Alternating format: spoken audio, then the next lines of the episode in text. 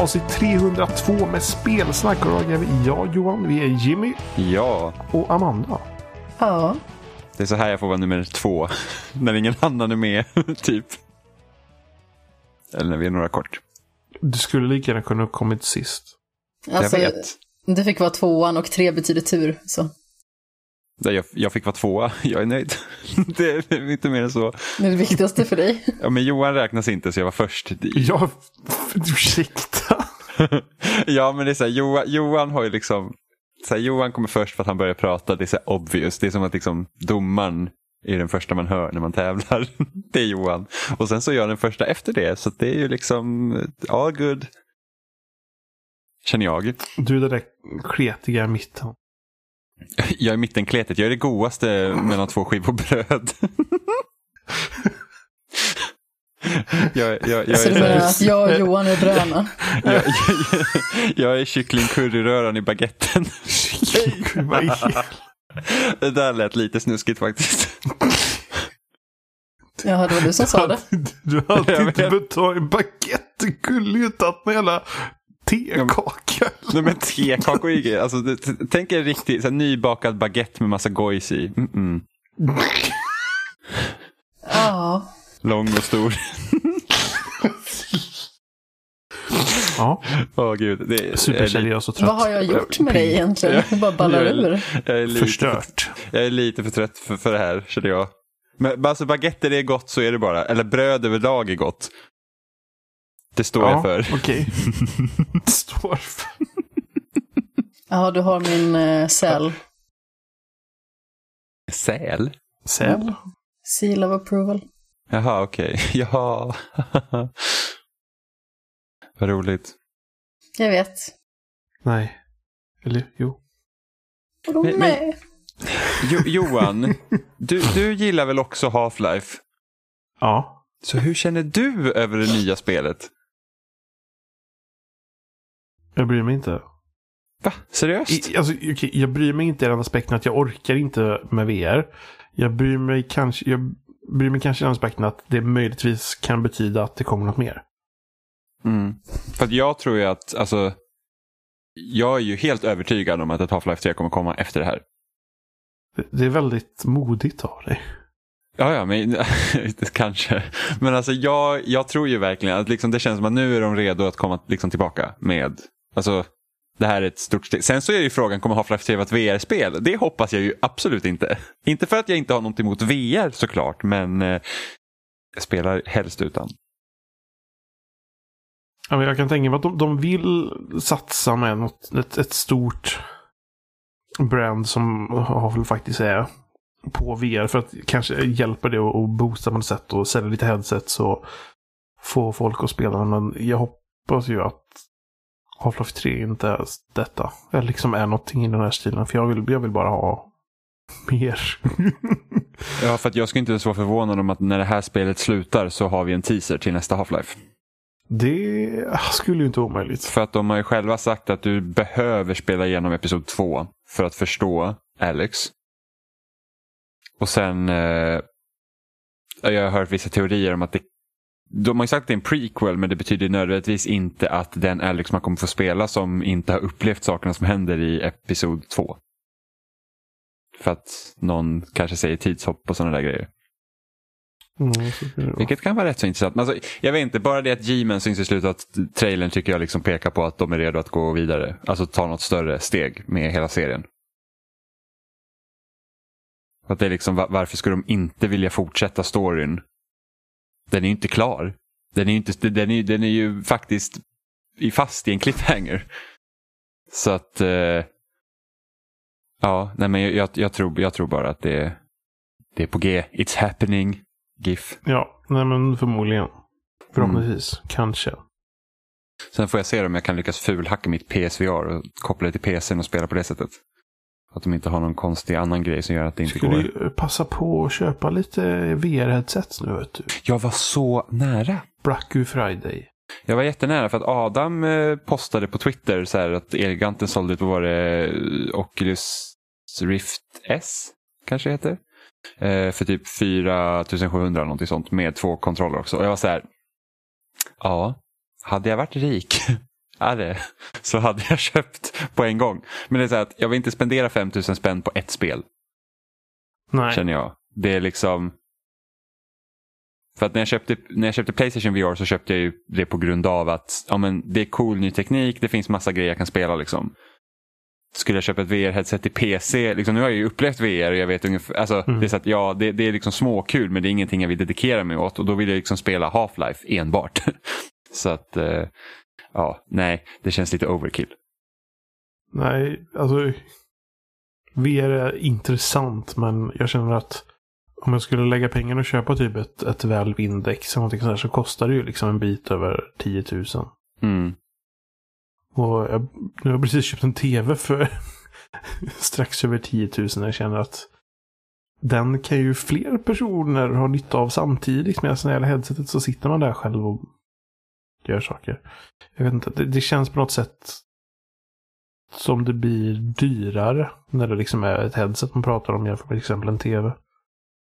Mm, jo men precis, det är ju, alltså, om man bor tillsammans med någon så blir det väldigt isolerande.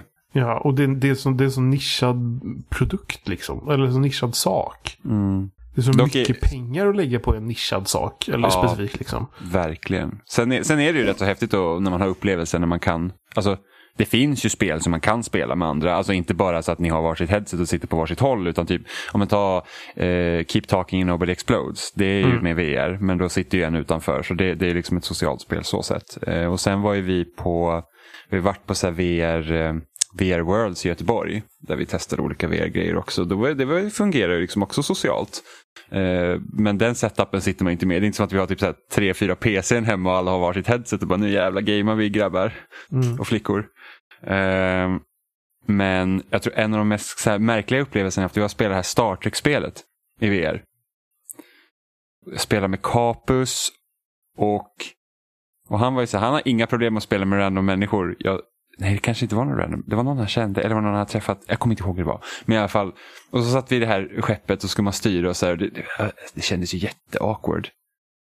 Kommer jag ihåg. Det kändes Men det, det, jättemärkligt. det spelet känns för seriöst på något sätt. Eller Alltså det blir ju, det, alltså så här, hade vi varit fyra stycken så känner varandra jättebra och liksom laja runt så kan man säkert ha skitkul. Men det var Mm. så att de två var riktiga stora så här, Star Trek-nördar. Jag kan ingenting om Star Trek. så att jag var så här, jag bara okej, jag var så här, jag är rädd att göra fel nu. Det ja, och så blir man styrskepp. frustrerad på den andra eller och så vidare. Och så vidare. Det, nej. Ja. Men det häftigaste med VR, alltså, oavsett hur egentligen billig grafiken ser ut, i alla fall de spelen som jag har spelat. Liksom, det spelar egentligen ingen roll hur det ser ut när man väl är inne i det, för att det känns verkligen som man är inne i det. För att Mm. allt ser likadant ut. Vilket är rätt så häftigt. Ja, VR. Nej, men, Men, alltså eh, just det där när det gäller att, att köpa saker, det handlar ju väldigt mycket om hur mycket man kommer använda en grej också. Där tycker jag värdet ligger extremt mycket. Alltså ta typ min Xbox One som jag nästan inte använt någonting. Som jag verkligen var redo att sälja i stort sett. För att jag kände att jag har liksom inte lagt tid på den här maskinen. Den känns överflödig i mitt hem. Men sen när eh, vi fyra, jag, Jimmy, Robin och Emma, spelar Stardew Valley, då får den helt plötsligt ett värde igen på något sätt. när lite Xbox-folk tvingade att spela lite Xbox. Nej men alltså, ja, faktiskt. Ja. För att nu har jag faktiskt använt den, då känns det liksom som att då har jag använt upp mina pengar på något Mm. vis på ett vettigt sätt istället för att det känns som att jag bara har släckt eller liksom, pengar i sjön.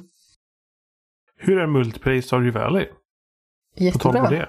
Alltså det Alltså, fungerar jag- faktiskt bra. Jag har bara spelat lite mm, jättesmått själv typ. Ja, alltså det, det är lite det är ju lite lustigt i hur de väljer vad man delar på och vad, man, och vad som liksom är personligt.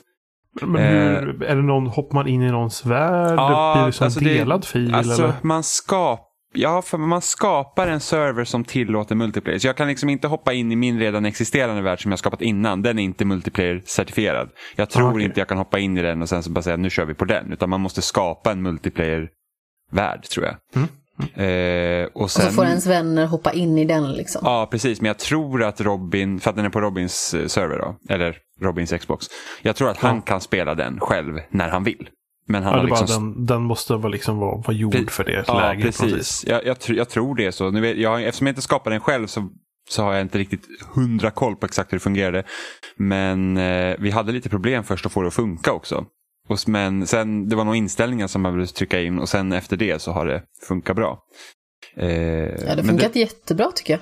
Ja, men det lustigaste är vad man delar på. För att när man, är, när man spelar själv till exempel så allt man gör det går in mot det, liksom ens egna grejer. Så här, men, typ jag farmar, då får jag liksom upplevelse på det. Jag fiskar, jag får upplevelse på det och sånt. Och eftersom vi nu har, vi alla hjälps ju åt med farmandet så att säga. Så vi har ju en gigantisk åker där vi liksom sätter alla våra crops. Men sen när man liksom ska, för att gå upp i level så måste du, det är när du säljer de här grejerna som du får levels av det. Men då är det bara den personen som säljer dem som får det. Trots att vi alla hjälps åt hela tiden. Så jag får liksom inte upp level för att jag går och vattnar grödorna. Och jag får inte level som jag planterar. Jag får inte level som jag drar upp dem bara när jag säljer. Eh, så att det gjorde så att jag hoppade upp ganska snabbt i det här farming. Liksom, för jag har ju spelat spelet förut. Så jag var så här, ja, men vi liksom kör, bara Planterar typ 100 potatisar. Bara upp, upp, upp, sälj, sälj, sälj. Liksom, så att man får rulla igång. Så att jag är högre farming än alla andra på grund av det. Vilket Och Emma jag blir är högre på. fiske än alla andra. För att jag har gått full snusmumriken och stått nere vid sjön typ hela tiden. Ja, så, så att det är lite lustigt och sen så har man olika quests som också är personliga. Och i början av spelet så får ju alla samma quest. Det är liksom så att, ja men gör det här så du kan bygga en, en, en fågelskrämma till exempel. Och då ska man göra det, eller gå och träffa alla bybor och så ska man göra det individuellt. Eh, men sen typ grejer man lämnar in till museet, eh, grejer man fixar i så här community-centret för att bygga upp det. Det verkar liksom vara det man delar på. Och sen delar man på pengarna. Vilket är Ja, bra. men precis. Nej, men det, det blir ju lite lustigt ändå för att vi får alla samma quest. Alltså, säg att alla ska gå och träffa alla som finns i stan till exempel. Mm. Eh, och då får man en belöning för det. Och då får alla dela på belöningen liksom. Ja, så att det är liksom, Men det är bara en som behöver göra det. nej, eller? man måste göra det allihopa. Alla måste göra det. Det Eller är kan- individuellt att få sin be- belöning liksom. Ja, man kan ju ignorera det questet om man vill. Det är inte som att du måste göra det för att komma vidare i spelet. Nej, nej, Eh, men det är ändå så här att det, det är lite jobbigt att de grejerna, att man, att man inte, så här, det hade varit kul om alla hade haft en gemensam questlog. Det är så här, bara, men nu tar vi den här och ska, och ska hjälpa den här bybon. Liksom. Eh, och sen så kan man liksom, så arbetar man med det tillsammans. Det hade jag nästan föredragit tror jag. För det blir så att jag går och hämtar ett quest och sen så bara, ja men typ ska fiska efter en sardin och då kan liksom någon, ja men jag har en sardin eller det kan man ju fortfarande göra. Eh, men det kan ju liksom vara så att man, man helt enkelt samarbetar. Alltså på det sättet att liksom att och vi kan inte, alltså annars ska ju alla hämta samma quest och sen ska alla göra exakt samma sak. Det liksom räcker med att man gör det en gång och sen så kan man gå vidare. Eh, men annars är Stardew Valley ett jäkligt trevligt spel. Liksom. Det, Ja. det, alltså, imponerande till typ en människa som har gjort det.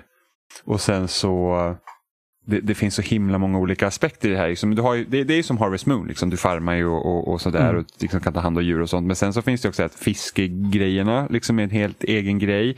Sen finns det ju, det tar ju liksom inspiration från Animal Crossing, det att det är hela tiden events liksom i stan som händer. Den här dansfestivalen som jag fått dansa själv på typ hela tiden tidigare, som jag berättade om i podden. Eh, och, eh, och alla bybor har ju liksom en egen, alltså man kan liksom bli kompisar med dem och sådana där grejer. De har sina egna quirks och sådär. Liksom Pam, den alkoholiserade surtanten och så. Och sen så finns det här liksom hela grottsystemet när man går ner och minar som är liksom, det är mer som en, nästan en roguelike när man går ner där och liksom ska hitta olika grejer och så. Så att, så att det är ju ett, ett gediget spel.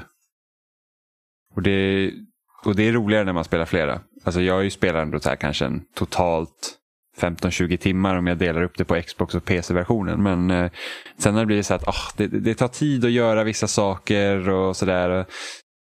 Du vet, man, man, jag ledsnar ganska fort på det även om jag tycker spelet är kul. Men när man är flera då är det mycket roligare. För att det, det är precis samma sak som när vi började spela Minecraft. Var ju det här liksom att vi var typ åtta pers i min server. Och sen så var det så att jag går iväg och gör någonting. Sen kommer jag tillbaka och då har någon byggt typ ett, ja men här är ett hus liksom. Eller här har jag börjat göra de här grejerna. Så att det liksom hela tiden händer grejer. Och det är samma sak här. Liksom, jag kan ju gå ner och mina en hel dag. Sen när jag kommer tillbaka så har Robin liksom smält upp en jäkla köpt en ko och eh, satt upp ett, eh, en lada liksom. Så att det är roligt. Sen tror jag, men jag tror inte dock att det finns uh, split screen i det. Än på konsol i co-op, vilket är lite synd. inte för att det gör oss någonting nu, men liksom det, det känns ju ändå som en, en ganska stor miss. För det är ju ändå ett spel jag kan tänka mig att många hade velat spela på samma Xbox, eller konsol. Om man hade velat göra det. Mm. Men jag tycker det är mycket roligare att spela ihop än att spela själv. Alltså nu Mm. spelade inte jag så jättelångt själv, utan jag spelade bara några dagar. Men eh, jag vet inte, det är någonting med att sitta och spela ihop som gör det mycket liksom trevligare. Ja, men bara det att vi kan liksom hjälpas åt och vattna alla grödor Ja, är ju liksom guld värt. För att jag, när jag spelar själv, man kan ju inte ha så stor åker för att man orkar ju liksom inte gå och vattna den hela skiten hela tiden. så att det, det är liksom så att, så att man kan vara mycket effektivare så. Och sen kan man ju fokusera på olika saker. Som att det, som en sån Robin, han, han bara bestämde sig för att han ska ha djur nu. Och då köpte han en ko som han döpte till kossjävel. Och han döpte hunden till hundjävel. så typiskt Robin. Eh, så att då har han kunnat göra det. Jag fokuserar på att fixa liksom communitycentret så jag har liksom stenhårt koll på det. Amanda fiskar. Emma bygger vägar.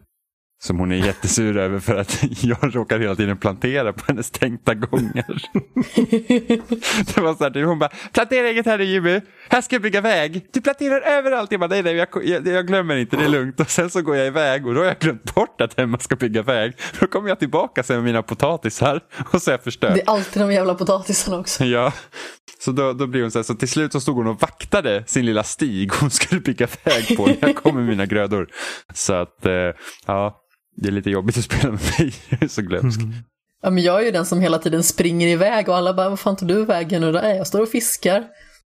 Ja, Och sen så är jag alltid ute i sista sekund också, så jag vet inte hur många gånger jag typ har somnat precis utanför min stuga.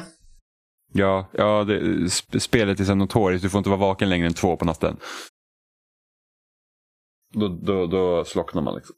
Mm. Men det är, ett det är ett väldigt roligt spel. Det ska bli kul att spela mer sen. Och se Ja. av det. Har du spelat någonting under veckan Johan? Nej.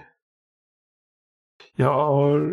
Nej, det senaste har jag inte typ hunnit spela någonting än. Nej, hur, hur, Ja, eh, där var avsnittet slut. hur, hur, hur långt har du kommit på Outer Worlds? Jaha, jag har väl spelat en eh, 12-13 timmar nu i alla fall tror jag. Något sånt där. Mm. Jag har kommit upp i det. Så hur går det? Ehm, Förutom att jag typ fastnar på ett ställe där det är att bli tvingad att smyga. Ja. Så, eh, så är det väl fortsatt trevligt. Mm. ja. Jag börjar ju precis. Jag har liksom äntligen betat igenom en massa spel. så Mm. jag äntligen kommer jag till Outer Worlds. Så jag vill spela bara 40 minuter så inte alls långt. Nej. Eh, men men jag, gillar, jag, gillar, jag gillar början. Jag tycker det känns, alltså det känns typ som, eh, åh vad hette den tv-serien nu? Med Nathan Fillion som var i början av 2000-talet. Som utspelar sig i rymden. ehm, Firefly. Yes. Det känns väldigt mycket som Firefly. Vilket jag Ja. tycker är väldigt kul. Så jag har liksom precis träffat Parvati. Så jag är liksom jätte, jätte i början verkligen. Så jag har fått mitt Mm. första uppdrag liksom inne i Edgewater. Eh, och Hon jag är vet en inte, väldigt alltså, bra kompanjon faktiskt. mm, men liksom det, ja, för att det är ju väldigt likt liksom typ Fallout och Skyrim.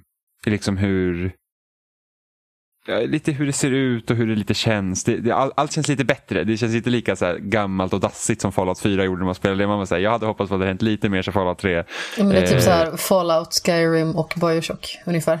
Ja men precis, lite så. Men det, det känns liksom smidigare. Men, men det har fortfarande liksom lite den här auran av de spelen. Alltså det känns väldigt mycket baserat på dem. Så att man så här, det, det, det, liksom, det känns bättre men det är lite styltigt. Liksom. Det, och liksom karaktärerna, de ser bättre ut men lite döda också.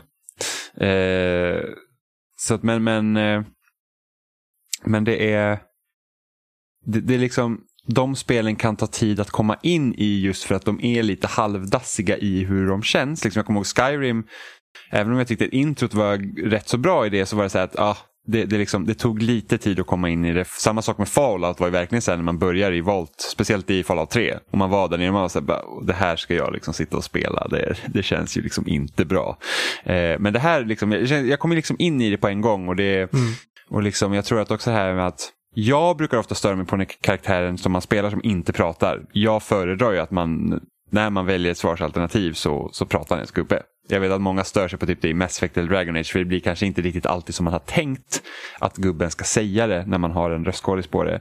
Jag föredrar det för det, jag tycker det är lättare att leva mig in i det. Eh, funkar bättre när det är i första person att den inte pratar. För att då blir det liksom Mm. det blir så direkt och nu kan det vara mycket fler svarsalternativ och speciellt när man liksom kan satsa så mycket på alltså dialogerna i spelet, alltså de, som en de egen utnyttjar karaktär. det i alla fall Ja, i spelet. eh, vilket är väldigt kul och jag kan verkligen spela lite så här. Jag kan vara lite sassy, behöver inte vara svinig. Så det känns lite som att jag är den här space cowboyen som kommer ner här och bara så här, okej, okay, fucking fuck capitalism och bara så här, ja, workers right och allting sånt. Eh, Alltså, så det känns väldigt kul. Min, min Parvati är inklädd i en fancy röd kostym med det här månhuvudet på. Nej men gud, det ser så himla läskigt ut det där Det ser skitroligt ut när vi springer runt ute i världen och så har hon det där gigantiska huvudet på sig. Och jag vet inte var det här kommer med de här gigantiska stora bollarna som folk ska ha på huvudet. För, för det första jag tänker på det är ju han eh, Yoko Taro som har, ju- som har regisserat eh, Ner Automata. Han hade ju den här stora jävla månen på E3, just kommer ni ihåg den? Och så är den här i, i, i Outer Worlds, som redan, jag tror det var typ i launch man fick se den första gången. Så man tänker att det här ser helt galet ut. Det finns en sån karaktär i nya Pokémon också. Som har, alltså det ser ut som En en, stor muskelknutte som har en jävla Pokémon-boll till huvud. Det är helt bisarrt. Ja, så pratar man med honom. Han bara, "Åh, det är så kul att du pratar med mig och så ger han en Pokémon-boll här. Man bara, okej. Kul för dig att du står här och ser läskig ut. Alltså, har ni sett Blades of Glory? Nej. Fasen också, då är inte den referensen så rolig. Men kära lyssnare där ute i alla fall. Har man sett filmen Blades of Glory i alla fall så finns det en maskot där som heter Snowflake. Och eh, den tänker jag på när jag ser de här Men vad är Snowflake för karaktär då? Vad, vad liksom... Men alltså Snowflake är bara en maskot eh, i, i det hela. Han är Okej. liksom inte väsentlig eller hen sådär. Men det är Mm. väldigt... Jag skickar den bilden sen. Okej. Gör, gör så. Ehm, men något annat jag tycker är kul, och det är alltid så här typ när man Eftersom man har spelat mycket spel så har man ju alltid en viss förväntning på sig när man gör saker. Så bara, okej, men det här bryr sig man inte om. Alltså, jag gör det här så kommer inte det reflekteras i spelet för att det är inget spel som gör så så. Till exempel när jag spelade Civilization 4 första gången och jag flyttade alla mina trupper nära ett angränsande land. Och så får jag en här varningsmeddelande så här från den regenten. Och så här, men alltså, nu flyttar du dina arméer ganska nära mig. Alltså, är vi cool? Liksom? Har vi problem eller något? Och jag bara, nej nej det är lugnt. Det du behöver inte bry dig om mig. Och sen i nästa drag så bara invade. och, eh, och sen så vände sig alla andra emot mig för att jag startade krig utan någon helst anledning. För att det var så här, spel fungerar inte så. I alla fall inte i min erfarenhet, spel fungerar inte så. Eh, och det fick jag lära mig att stå mitt kast, så jag förlorade någon gång ganska fort. Men samma sak här, jag, som som man är så här, åh jag har dödat massa människor och det är såklart att jag länsar deras kroppar på all loot för att det är loot.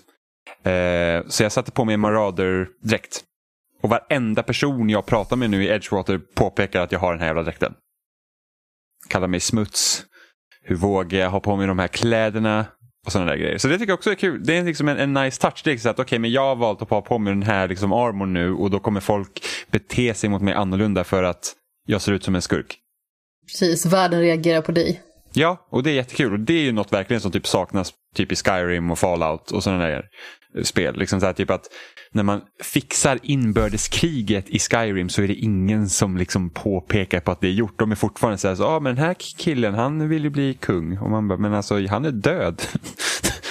han kan inte bli kung längre, liksom snälla. Så att det, det, det är kul att, att det gör så. Så att jag är faktiskt jag är faktiskt väldigt sugen på att spela vidare det här spelet. För det, det, alltså, den inledande timmen nu har ju i alla fall varit väldigt rolig. Jag är ju inte heller klar med det och jag vill ju verkligen komma tillbaka till det. Jag sitter ju på sluttampen av Star Wars nu, någonstans. Mm. Och det hade varit skönt att bli klar med det, för det känns som att eh, det har varit på gång ett tag.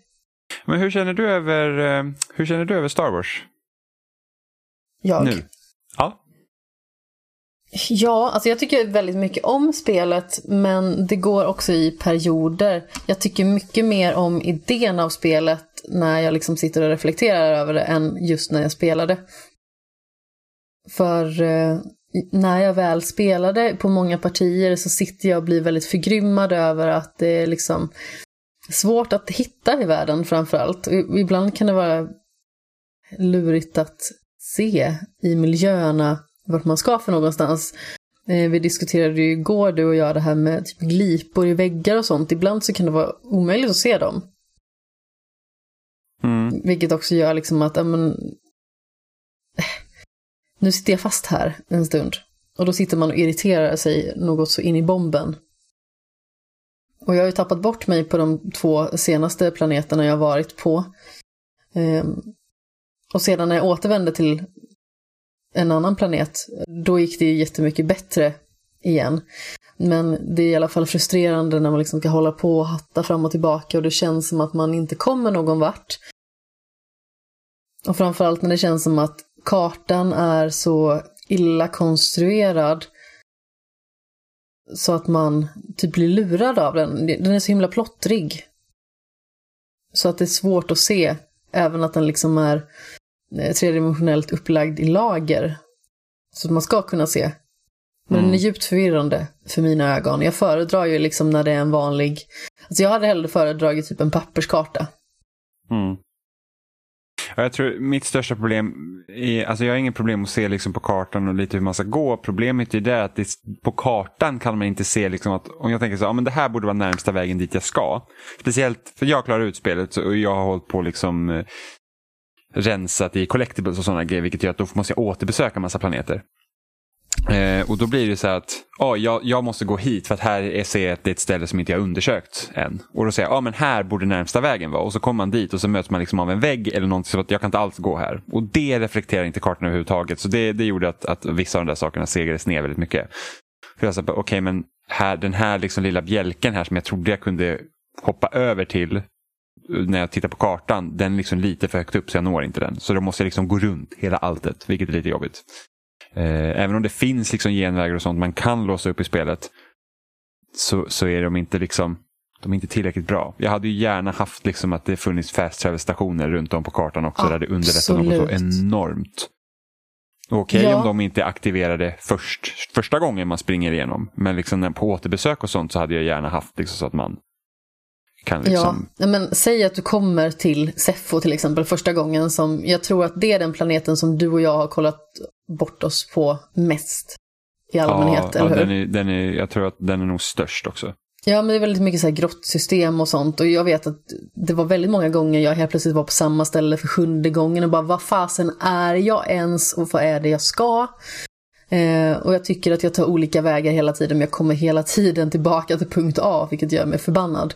Mm. Men eh, då hade det liksom kunnat vara så att okej okay, jag kommer till den liksom finalpunkten på den här banan, inom citationstecken. Eh, då måste jag kunna åtminstone få ta mig tillbaka till skeppet utan att behöva harva igenom allt det här. Mm. Det hade säkert kunnat finnas någon så här fiffig lösning.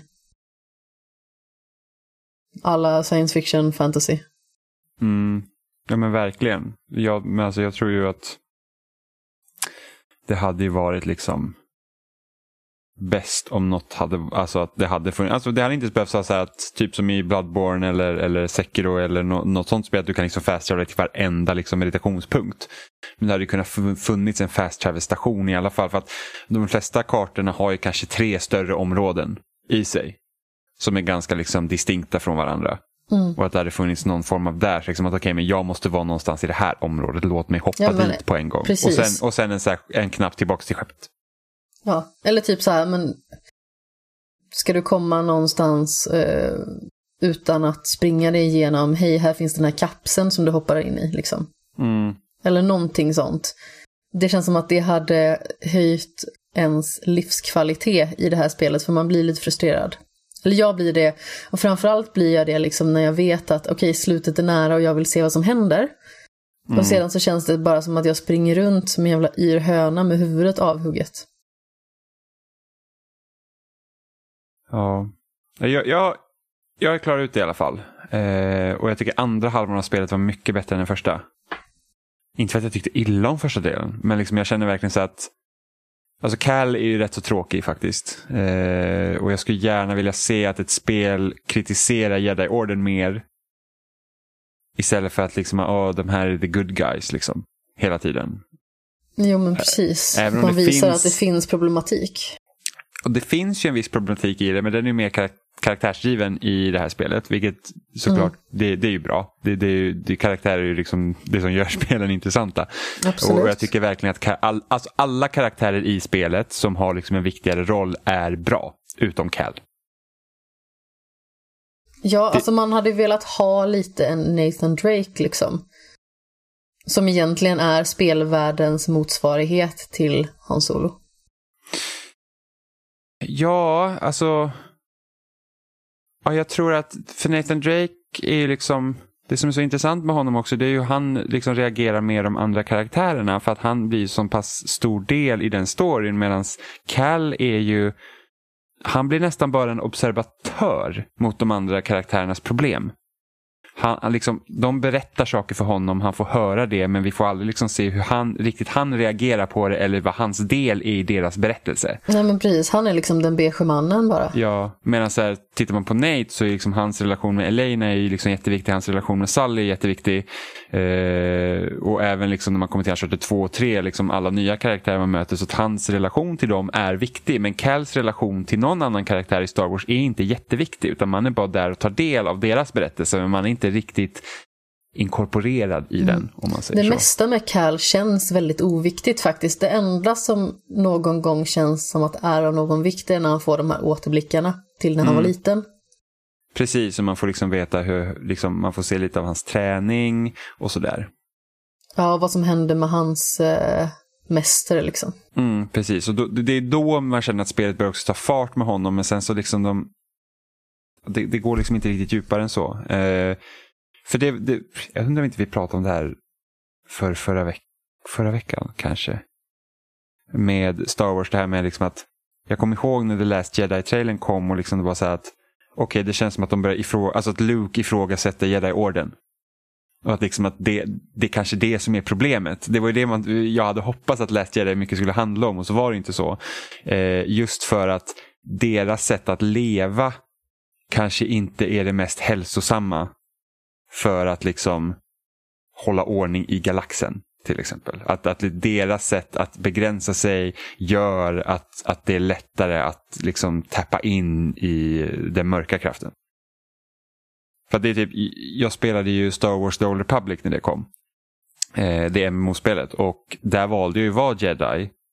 Och det var ju så jävla tråkigt i början för att det var ju verkligen så här, alla var ju så här typ Alltså det var verkligen så här, vi är så genomgoda och det är typ så här att, åh nej, där är två stycken karaktärer som är typ kära i varandra. Det går inte i Jedi-orden, så det måste du se till att de inte gör. Och så går man dit så bara, aja baja, det här får ni inte göra. Och de bara, åh nej, åh nej, åh stackars oss typ. Så att, det är liksom så här att, och då ska man liksom stå på den sidan. Jag känner bara så här, det här är liksom så fel för att det kan liksom aldrig bli bra. Eh, och jag hade gärna sett mer jag hade gärna sett mer av det och fått spela en karaktär hon sa nu Cal som är en jedi liksom och han kanske liksom Ja, nu, nu, nu, eftersom det här utspelar sig efter episod 3 så finns ju knappt Jedi-orden kvar så att det, det, det kanske liksom inte kanske riktigt går att göra det i hans story just nu. Men sen, eh, det här med att okej, det, det är liksom att Jedi kanske inte är liksom det rätta svaret och det här är problematiken som kommer upp till ett här. Det, hade- det hade varit för mycket mer intressantare. Och det var det jag hade hoppats någonstans med eh, Battlefront 2, den kampanjen som kom där. För där fick du ju faktiskt spela någon från Imperiet. Och de pratade ju om det innan spelet kom också, att ah, men det är första gången man får spela någon från Imperiet. Och det är liksom att de vet ju inte om allt vad liksom kejsaren och det gör. För de är ju liksom, de har levt med Imperiet hela tiden, för de är det en säkerhet och bla bla bla. Så att man liksom problematiserar det också, att de är inte bara de här, den här onda stora kraften, utan det är liksom att det är också vanliga människor som inte vet någonting annat. Eh, och det slängde de ju ut ganska snabbt. Det tog väl typ två uppdrag och sen så var man ju så här omvänd. liksom, man var okej, så mycket fick jag spela som en imperiesoldat. Eh, så att, så att mer sånt. Sen vet ju inte jag hur snälla Disney är med att låta dem göra vad de vill. För att så som jag har förstått det, så att eftersom allt är canon nu så är de ju väldigt så hands-on med vad du får och inte får göra i universumet. Och då kanske man inte kan göra en sån grej ens för att de bara nej, nej, nej. Jedis är genomgoda. Och det är så vi får typ små barn att inte hångla med varandra eller någonting, jag vet inte. Men eh, jag tycker spelet är bra. Trots att det borde typ ha kanske försenat några månader för att slipa till det. För att det är typ, alltså striderna är lite sådär ibland, hitboxes träffar inte och typ plattformsmoment gör att Cal typ tar inte tag i, i eh, saker han borde ta tag i så att man ramlar ner och dör. I princip. Ja, det fick jag ju psykbryt på igår, så sent som. Mm. Och det, det, det, kunde vara lite frustrerande. Sa, men alltså, var, varför tar du inte tag? Eller varför, va, varför funkar inte det här Det här borde inte vara ett problem. Ja, så det var typ en flashback så var det att man skulle hoppa upp på väggen och ta tag i någon sån här skåra. Och jag satt fast aslänge där för att jag såg inte att det liksom, så jag bara, var ska jag hoppa någonstans? Jag trodde man skulle in i hålet. Jag med. Jag med. Och sen så när man kommer nära den där väggen så vinklar sig kameran på ett konstigt sätt också. Så jag bara, men så det måste ju vara. Så jag försökte hoppa, hoppa. Jag till och med kollade upp en Let's Play på YouTube. Jag bara, vad är det, vad är det jag inte gör rätt? Så att, eh, ja, det, det var frustrerande. Så det är liksom lite så här, det är lite oslipat. Ja, Vilket- men... Vad säger du? Nej, nej, jag, jag, skulle inte, jag skulle inte säga någonting viktigt.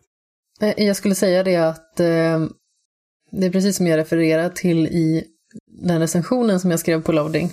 Man får jättegärna läsa den ifall man vill. Eh, att eh, det känns som att det här är början på någonting väldigt bra. Det känns som att de har väldigt många bra idéer. Men att de skulle behöva elevera de idéerna som faktiskt är riktigt bra och som fungerar. Och sedan kanske tänka om lite vad som behöver utvecklas i Mm. hela processen. En Eh, uppföljare jag- skulle kunna vara jättebra. Ja, alltså jag hoppas ju att de hoppar fram en bit i tiden också så att Cal är äldre i nästa Mm. spel. Så att han liksom får vara typ lite av en, om en, en äldre jedi master och sen så då hade man kanske kunnat göra några av de här grejerna jag säger. Att Man har Ja, omvärderat allt. jo men precis. Och sen så är det ju liksom så här att om vi tar Uncharted till exempel, som, som nämnts tidigare, eh, på grund av klätteranledningar och dylikt, så har vi ju första spelet är inte speciellt bra. Faktiskt. Jag spelade det så sent som, jag tror att det var 2017 måste det ha varit. Eller var det Mm. det? 2016 kanske. Strunt samma, det spelar egentligen ingen roll eh, för historien. Det är så pass nära i tiden jag spelar det spelet. Och den här jävla rövjetskin som är i det spelet är ett fruktansvärt moment som aldrig borde fått se dagens ljus. Och det finns väldigt mycket saker som man irriterar sig på i första Uncharted. Men sedan så kommer de och levererar det som skulle kunna vara seriens bästa spel, Among Thieves, alltså uppföljaren då. Så det går ju att göra sådana grejer. Men då gjorde de ju också rätt där, att de tog ju vad folk uppskattade med första spelet. De gjorde det bättre och sedan så tog de bort skit. För det mesta, Alltså. förutom slutbossen för den är kass. Ja, jag, jag tror att jetskin var typ inslängd i sista minuten. Det var verkligen så typ- att vi måste ha, jag, jag tror det var någon dokumentär och sånt och sa att vi behövde ha någonting som bröt upp liksom gameplayet så vi slängde in den där jetskin liksom. Så att den så, var, Kenneth, vi kan inte bara gå här. ja men typ. Eh, jag, eh, jag tyckte inte om Uncharted 2. Jag, nej, jag tyckte det var så drygt med alla strider. Alltså jag, typ, jag tror jag på min första genomspelning hade typ dödat 2000 fiender och jag var så jäkla less på att skjuta. Jag tycker trean är extremt underskattad. Trean tycker jag är bättre än tvåan. Jag tycker fyran är bäst. Mm. Jag tycker att fyran, eh, fyran är det Uncharted som jag alltid velat haft. Långsammare, det är inte lika mycket strider, det får ta tid. Ehm, jag vet att många inte håller med, men alltså, ja, st- st- stort problem för mig under förra generationen var också att det kom så fruktansvärt mycket shooters. Så har jag. Och jag spelade mycket spel som var shooters, så jag var så jäkla trött på att bara skjuta. Det är typ som den här generationens öppna världar. Bara det att det finns lite större variation i dem än vad, vad liksom shooter-genren kunde erbjuda förra generationen. Eh, och sen så finns det så himla mycket andra spel som kommer nu. Alltså det är liksom, det, det är liksom alltså hur många spel släpps inte på e-shop varje vecka eller Xbox live eller PSN. Det är liksom hur mycket spel som helst så du kan ju hela tiden få olika upplevelser. Du, behöver liksom, du är inte liksom bunden till AAA-titlarnas liksom sex timmars eh, kampanj av skjutande. Nej men precis, och Vilket som sagt det är väldigt lätt att bli mätt på den här typen av spel. Jag vet att de gångerna jag spelade Uncharted, då spelade jag, när jag spelade första spelet så spelade jag det direkt efter att ha spelat första Tomb Raider och Rise of the Tomb Raider. Och när jag spelade de andra tre spelen i Uncharted-serien så spelade jag dem på rad. Mm, och det blir väldigt mycket. Alltså, det blir väldigt mäktigt liksom. Det blir det. Ehm, det är i och för sig, jag spelar också dem på rad i... Om det var inför Uncharted 4 så, köpt, så spelade jag Uncharted-trilogin igen. Mm. Men då hade jag redan spelat dem en gång så jag visste ju liksom vad, vad det var. Så att då, då, då kändes det ändå så att det känns som att man spelar kanske en lång sekvens av spel. Istället Ja. för att man liksom kör dem på rad. Men när det är nytt och så här, man inte riktigt vet allting och så. Det blir bara mycket. Men att spela Tomb Raider-spelen innan också, då är det fan mycket alltså. Det var det. Mm. Det Så var nästan som att spela två stycken trilogier liksom. Rent Ja. spelmekaniskt. Men nu är i alla fall, alltså. Eh, Uncharted är bra mycket bättre än Tomb Raider. Ja. Tycker jag då. Mm. Alltså, jag gillar upplägget i Tomb Raider. Liksom det här med att ja, det är liksom så semi-öppet. Ehm, och att det finns den här pusselaspekten och sånt. Men de misslyckas ju med det också. Alltså, just med att de gör så här Tombsen optional. Det borde ju det vad spelet handlar om egentligen. Och det tycker jag Star Wars är jättebra. För att det är liksom, det är inte så att åh, här är ett pussel du kan göra om du vill. Utan det är nej, det, det, det hör till. Det är det här är ditt Ja. jobb och sen så har du fiender som är i vägen. Det är ju samma i Uncharted egentligen. Det finns pussel och de är obligatoriska. Ja, men där är det så himla mycket fokus på att skjuta folk. Så att det, liksom, det drunknar Precis. lite. Fyran var lite annorlunda dock. Och sen var det väldigt spännande med liksom att de...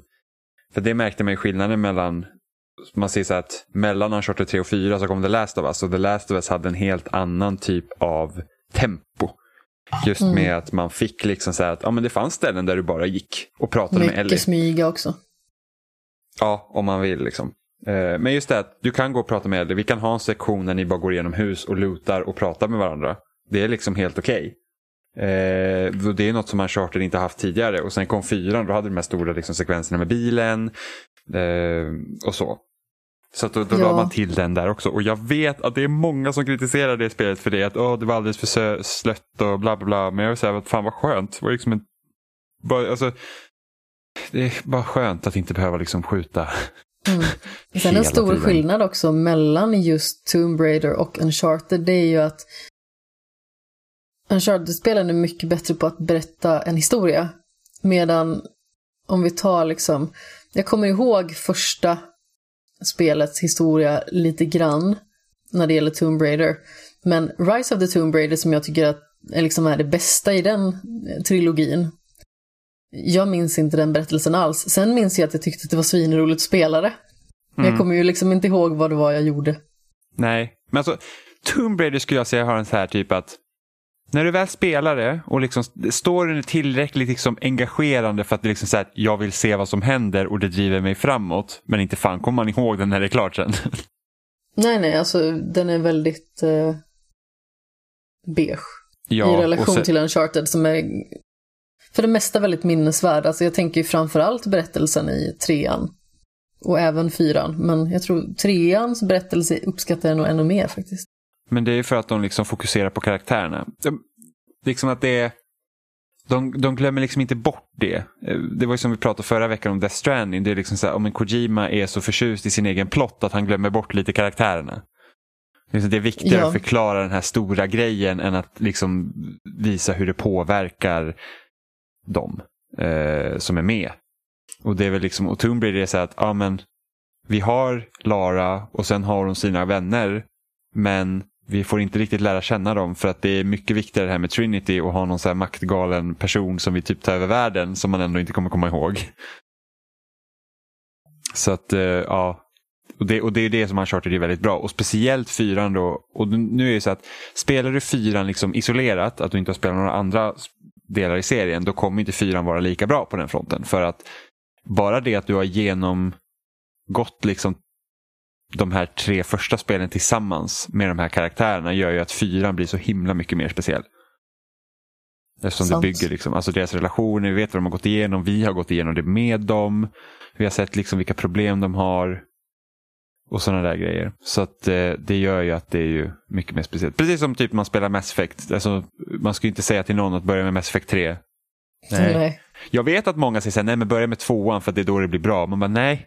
Alltså ettan Men- står är liksom skitbra. Och det du gör där följer med i tvåan. Börja absolut inte med en tvåan för att det är lite jobbigt att skjuta ettan. Utan börja från första Då är det väl spelet. bättre att sänka svårighetsgraden och bara vandra igenom det i stort sett.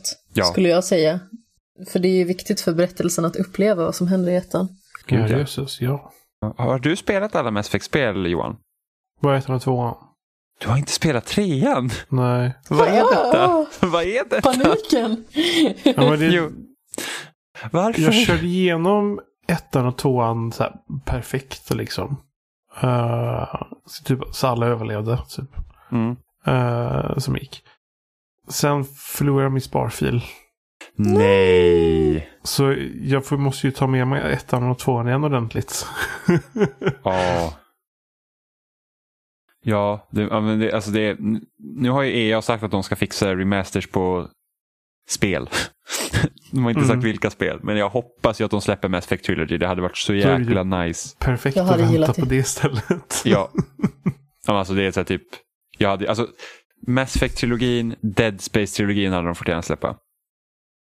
Ja, framförallt Mass Effect. Alltså, jag har ju sagt till mig själv och till redaktionen att jag kommer att göra en form av följetong just med Mass Effect för att jag äntligen liksom ska ta mig igenom det. Och då hade det varit mycket mer ultimat om jag kunde spela det liksom på Playstation 4. Liksom. För, Jag hade alltså, gillat det. Hade de velat då så hade de kunnat liksom fräscha till gameplayet i ettan lite. För det kan vara Det lite behövs styltigt. faktiskt. Alltså jag tycker inte att det är så styltigt som många säger. Alltså när man lyssnar på andra poddar, de bara nej men Mass Effect 1 är typ ospelbart. Men man säger nej men kom igen, det är det inte. Det är det definitivt inte, men det, Eh, det- känns lite Det är lite- ibland. Det är lite styltigt och speciellt när de har de här hemliga tärningskasten i bakgrunden. Så det är att sitter du och snipar och headshot på en fiende så kan du ändå missa för att Mm. whoops. Du har inte skillen heller. Nej precis, för att det är liksom det, det är liksom rollspel deluxe. Det ska vara liksom hemliga tärningar. Jag kommer ihåg att man för att få typ bra utrustning så här så i typ butiker och sånt så var man tvungen att typ spara och ladda och grejer för att det skulle så här, slumpas varje gång du går in i en i, hos en som säljer saker. Mm. Det är så här, helt absurda grejer. Ja. Dock tycker jag första Mass Effect har absolut roligast. Alltså om man spelar som, eh, gud vad heter de? Typ magiker. vad heter den klassen? Och, eh, eh, är det Sentinel? Nej. Sentinels, jo. Precis. Nej, är det verkligen Sentinels? Jag är ganska säker på det. Det är det väl? Man, man typ, jag vet, nej men jag, jag tror att det finns en klass med Sentinel men jag tror inte att det, jag vet inte om det är den som är liksom Force Power Deluxe liksom. Eh, men det är typ Mass Effects version av Force när man liksom puttar iväg fienden. Så man kunde kombinera sina krafter på sina sjuka sätt i ettan. Liksom, man var ju så jäkla kraftfull och så kommer man till tvåan och då har de typ dragit ner på allt det där. Man bara nej, jag var en superhjälte och nu är jag ingenting. så det, det, det var kul. Så jag och Robin vi spelar ju vi skulle ju spela alla tre spelen tillsammans och vi kom igenom ettan och typ halva tvåan tror jag. Innan vi inte fortsatte. Eh, men det var så här, och det är alltid den här grejen med Robin att han och jag kan ju aldrig sluta tävla. Så först var det så här att ah, men det är kul så vi spelar tillsammans och sen så märker man att du vet, en person är lite framför. Då börjar man hoppa över dialoger och sånt. Man bara trycker snabbt som fan så man ska komma före. Så det var kanske inte riktigt Vad optimalt. heter det? Här har vi ju eh, de olika kategorierna eller klasserna. Adept Ja. är det. Nu kom jag på det. Adept är den fulla typ magikerrollen. Biotic specialist. Biotic-kraften är. Jag tror att jag spelar som Vanguard. Jag spelar som Soldier för att jag är tråkig. Jag spelar typ alltid som Soldier i spel. För att, alltså det är så här typ att råstyrka, let's go. Liksom. Ja, men det är typ, alltså, jag vet inte, nå- något som alltid frustrerar mig typ i spel, speciellt magikerrollen, för de har så jäkla lite HP. Och då, då kan man inte vara liksom mitt i actionen när man gör det. Utan man, man måste stå borta någonstans och så här, typ knäppa med fingrarna och typ kasta eld på någon. De är lite klenfisar generellt sett. Ja, och sen så kanske man har companions, här, AI companions som inte gör riktigt vad de ska. Och sen så är man överöst och massa fiender och så står man där och bara nej, jag måste göra min magi. Men jag för mig att det var därför jag valde just Vanguard. Bara för att den var både biotic och combat. Mm. Ja, det är en bra här- kombo. Det sjukaste Bra var ju med, alltså det sjukaste var i Mass Effect 3. Att man kan, vara, man kan vara infiltrator i en klass som gör att man kan bli osynlig. Mm. Och det är bara typ en av de sista striderna i Mass Effect 3 är helt galen. Det kommer så jäkla mycket fiender och riktigt svåra fiender. Och hade man varit då eh, infiltrator hade man bara behövt gå vara osynlig och sen ska man gå till den knappen man ska trycka på sen är det klart. Jag var soldier och jag fick fan slåss med näbbar och klor på svåraste svårighetsgraden. Alltså, det kändes verkligen att nu går världen under för att jag, jag klarar mig knappt alltså. Nej. Eh, det, det, var, det var så svårt. Och så frustrerande. Och så bara, jag kommer ihåg jag gnällde på gamla loading och så var det någon som skrev men du kan ju sänka svårighetsgraden eller typ bara sluta spela. Jag bara, men jag har kommit så här långt på svåraste. Jag, jag liksom kan inte sluta här. Eh, vilket, vilket nederlag det hade varit. Och sen Som var det- stolthet. och sen var det, alltså, det här är typ internethumor också när det är som bäst. För att det är precis i slutet så är det en, det, det blir typ en sån cinematisk sekvens där du liksom får, alltså tiden typ slös ner och sen ska du skjuta en fiende, liksom med din pistol. Eh, och, och det är bara det att på svåraste så är den här, alltså den är typ helt OP. Alltså missar du, alltså du har typ jättelite reaktionsförmåga och missar du så dör du på en gång. Och den här, det var en fiende, Marauder Shields. Och så var det en massa så här typ eh, det var något Twitterkonto som tog den Marauder Shields och så skojade de om att den här vad heter det, karaktären då försökte skydda en från det hemska slutet. det var ganska kul. Åh, jag kommer aldrig glömma bort det. Fan vad jag vill ha ett nytt Mass Effect. Ah. Så fick vi Andromeda som inte alls var bra. Usch. Herregud. Jag hann bara börja på det. Ja, alltså det var... Mm. Alltså det, det var... Nej. Vilken besvikelse. Det, det tog mig typ Jag tror 40 faktiskt att jag ska ge det en chans. Alltså det tog 40 timmar innan jag kom till det liksom punkten som att det här är det jag vill ha av ett Mass Effect. Du vet, prata med karaktärer, Oj. göra deras uppdrag och sådana grejer. För att ha bara en enorm jäkla karta där man springer och gör nonsens i liksom 30-40 timmar, det är inte kul. Och det är liksom samma problematik som har eh, alla öppna världar den här eh, generationen har dragits med. Det här med att Åh, vi har en jättestor karta här, nu måste du göra någonting i den. Eh, collectibles. Och typ sam, samma uppdrag 20 gånger. Det är liksom, åh, och så jäkla fiende outpost. Det är så tråkigt. Alltså jag hatar verkligen fiende outpost. Det är liksom så här, ja här är typ tre hus på en karta och sen så bara gå dit och så ska du stiga runt, alltså typ Far Cry. Det är så himla tråkigt tycker jag. Man, så, här, man, så ska man så här, sätta sig utanför, så ska man glo in. Och så ska man försöka ta ut alla och sen så kallar de på larmet och så kommer massa nya fiender och massa bara, åh nej. Där tyckte jag ändå att Rage 2 som släpptes i, i, nu i våras, där hade de ju också fiendeläger och sånt, men de var mer gjorda som banor, vilket faktiskt var jäkligt kul. Så att då var det så att ja, men du går in i fiendeläget här och sen så har du typ en punkt i slutet på, på lägret där du, där du kommer och där hittar du typ någon skatt eller någonting sånt, eller det här ska du ha. Så att då, då, då var det liksom så att Ja, men då var det lite mer en grej. Det var inte som att alla fiendeläger var exakt samma sak. Att man sitter där två kilometer bort, markerar fienden med en, med en liksom kikare. Sen försöker man så att inte bli upptäckt. Man vill inte möta fler fiender för att det är så jäkla tråkigt. Alltså, det låter verkligen som att jag hatar spel, men det, är bara, det är så, det är bara, det är bara så fruktansvärt tråkigt när det är så så hör du det där jävla larmet och man bara åh, nu kommer typ 20 killar till. Jag ville bara sno den här typ kossan eller vad som finns i det här hela lägret. Det, det är så Åh. hemskt tycker jag. Samma sak med så här, alltså det var typ också det i Horizon, var också så här fiendeläger och man så här. De kunde man i och för sig ignorera om man bara gick på storyn så att jag gjorde mest det. Men det liksom får ju inte en att så här, yes, nu jäklar ska vi ta ut det här fiendelägret. Som Jag gillade lik- dem. För Nej. att man kunde sitta en liten bit ifrån och så kunde man eh, eh, skjuta pilar. Ja, precis, som, alla, precis som alla andra spel. Mm, Det är roligt att Så Far Cry också, man pilbåga. sitter och snipar långt bort. Eller typ, som typ Ghost Recon Wildlands. Var också så här. Alltså jag körde bara betan av det. Och det var så här att jag spelar betan nu i typ några timmar. Jag har sett vad det här spelet har att erbjuda kändes det som. Så att det, åh gud. Nej, det, ska bli, det ska bli skönt att se vad utvecklarna hittar på till nästa generation och se vad som kommer liksom bli the hot stuff då. Och vad är det, vad är det man utvecklar?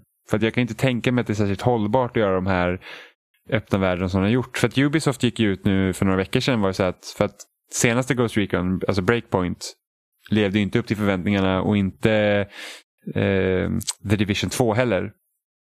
Och var det så här, ja vi kanske inte ska, du vet, alla våra spel kanske inte ska vara riktigt likadana. Och man bara, nej, det tror ni? Det, det, det är ingenting någon har kunnat lista ut tidigare. Eller något. Ja, precis. Oj, Så att jag hoppas de återgår till att göra mer storybaserade spel. Ja, tack. Faktiskt. Ja, Ja, Har vi något mer att tillägga? kanske det vi hade för den här veckan. jag tror nog att det är nog allt vi hade för den här veckan. Ja. Ja, vi, vi finns som vanligt på spelsnack.com och där hittar ni länkar till alla möjliga ställen där vi finns. Eh, vi dyker upp på loading.se varje vecka. Som en tråd där för varje avsnitt. Ja, skriv till oss. Ni får mejla kontakt.spelsnack.com eller förnamnet.spelsnack.com eller skriva på loading eller skriva på Twitter att spelsnackpodd. Vi finns överallt och ingenstans. Det stämmer. Har ni något att tillägga? Det gör det. Ja, jag skulle vilja puffa för en, en liten grej. Jag har varit med i ett eh, projekt som heter Soloäventyret. Som är alltså en inspelad liksom, rollspelshistoria. Och eh, varit röstskådespelare där. Så man får jättegärna gå in och lyssna på. Jag är med lite grann i första avsnittet.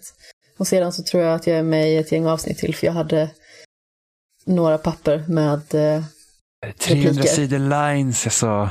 Precis, eh, mer typ tre sidor lines. Men ja, man får jättegärna lyssna på det, det hade varit roligt.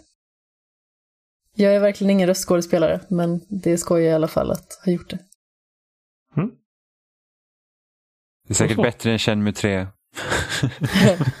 Alla bara tycker din röst är sämst och ska lyssna på den. det, det är typ, okej jag ska inte gå in på en tangent här, men typ Känn mig 3, de har typ, alltså, det kändes typ så här att, ja, hur, hur hade man röstskådespelare på 90-talet? Vi gör så, för att folk vill ha det tydligen. Gud. Ja, så bara, åh hej Ryu, hur mår du? Jag mår bra. Åh nej. Typ den liksom jättejobbiga grejen. Så att, ja. Usch. Ja. Vi hörs om veckan. Det gör vi. Det Hej. gör vi. Puss Hej hemskan. då.